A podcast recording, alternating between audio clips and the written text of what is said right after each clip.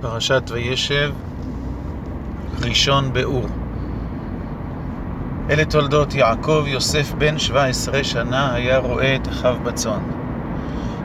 כביכול, תולדות יעקב כולן מתנקזות לסיפורו של יוסף. ואף על פי שתולדות יעקב כוללות את 12 השבטים, את יהודה ואת ראובן ואת שמעון ולוי וכולי, הרי שהסיפור של יוסף הופך במהרה להיות הסיפור המרכזי, אבל למעלה מזה, הדמיון המובהק בין יוסף ליעקב אבינו, ואהבתו הגדולה של יעקב ליוסף ותולדותיו שבהרבה מובנים, בהרבה היבטים, חוזרים על תולדותיו של יעקב, הופכים את הסיפור של יוסף לסיפור שהוא המשך הסיפור של יעקב. תחילת הפרשה בשנאה ובקנאה שהתפתחה בין האחים לבין יוסף. שלושה גורמים מפורשים. האחד, וישראל אהב את יוסף מכל בניו כי בן זקונים הוא לא, ועשה לו כתונת פסים. העדפה של יעקב אבינו את יוסף, שבוודאי יש לה קשר להעדפה שלו את רחל על פני לאה, ובזה שמראש הוא התכוון להתחתן עם רחל ולא עם לאה, ושהיא ממשיכה אצל יוסף, הבכור, האהוב, הבן שכל כך ציפו לו. העדפה הזאת היא הסיבה הראשונה לקנאה שנאה. הסיבה השנייה, יוסף היה רואה את אחיו בצאן, ויבא יוסף את דיבתם רעה אל אביהם. אמנם מדובר רק על בני השפחות, אבל גם זה גורם. כשהוא מביא את דיבתם רעה, הם יודעים שהוא גורם לכאורה מסכסך ושלילי.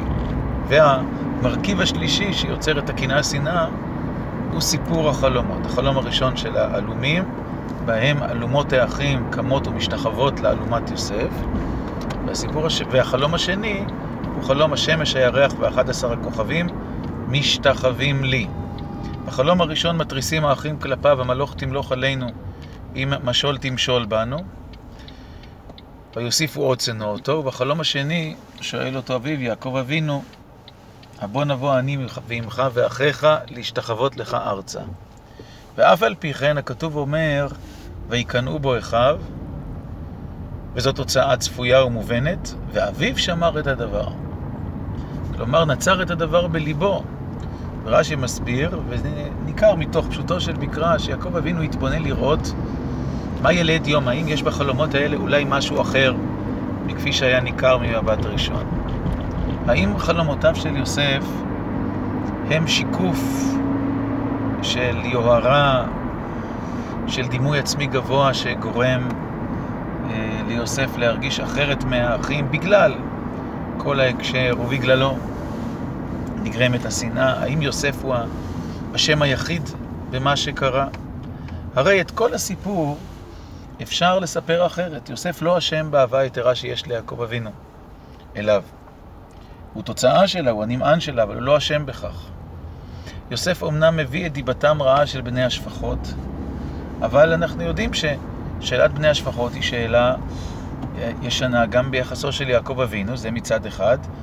את בני השפחות ראשונים הוא שם לפני עשיו, אבל יכול להיות גם שמה שיוסף סיפר, היו בו מרכיבים של אמת או הכל אמת. האם היה צריך לספר, לא צריך לספר, יש לשאול. אבל זה לבד לא, יכול, לא היה הופך להיות גורם לשנאה. ומה עם החלומות?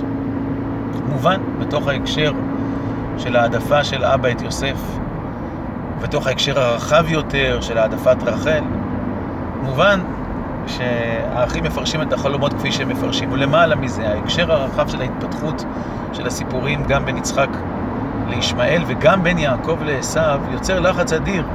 כי הבן הנבחר איננו רק בכור ראשון, אלא המשמעות היא שהוא הממשיך וכל האחרים נזרקים החוצה, כמו שקרה לישמעאל וכמו שקרה לעשו.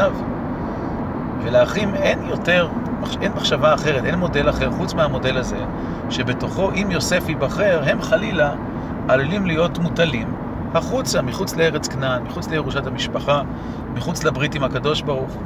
זה המודל המוכר, זה מה שהם יודעים.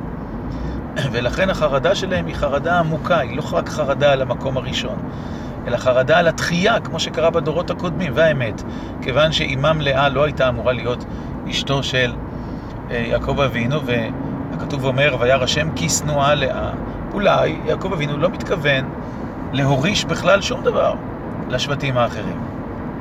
ומכאן הקושי הגדול. ועם זאת, ועם זאת שמובן שהפירוש בתוך ההקשר של החלומות הוא שליוסף יש רעיונות וחלומות גדלות והוא מעורר באופן מובן, אפשר להגיש אמפתיה לשנאה ולקנאה, אפשר היה גם לפרש את החלומות באופן שונה.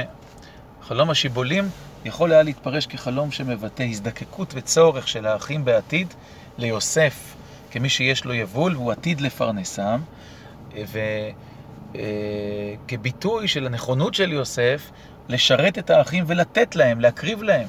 אולי בדיוק ההפך. אולי יוסף חולם על זה שיום אחד הוא יעזור להם. יום אחד הוא יהיה נדיב כלפיהם, יום אחד היחס ישתנה.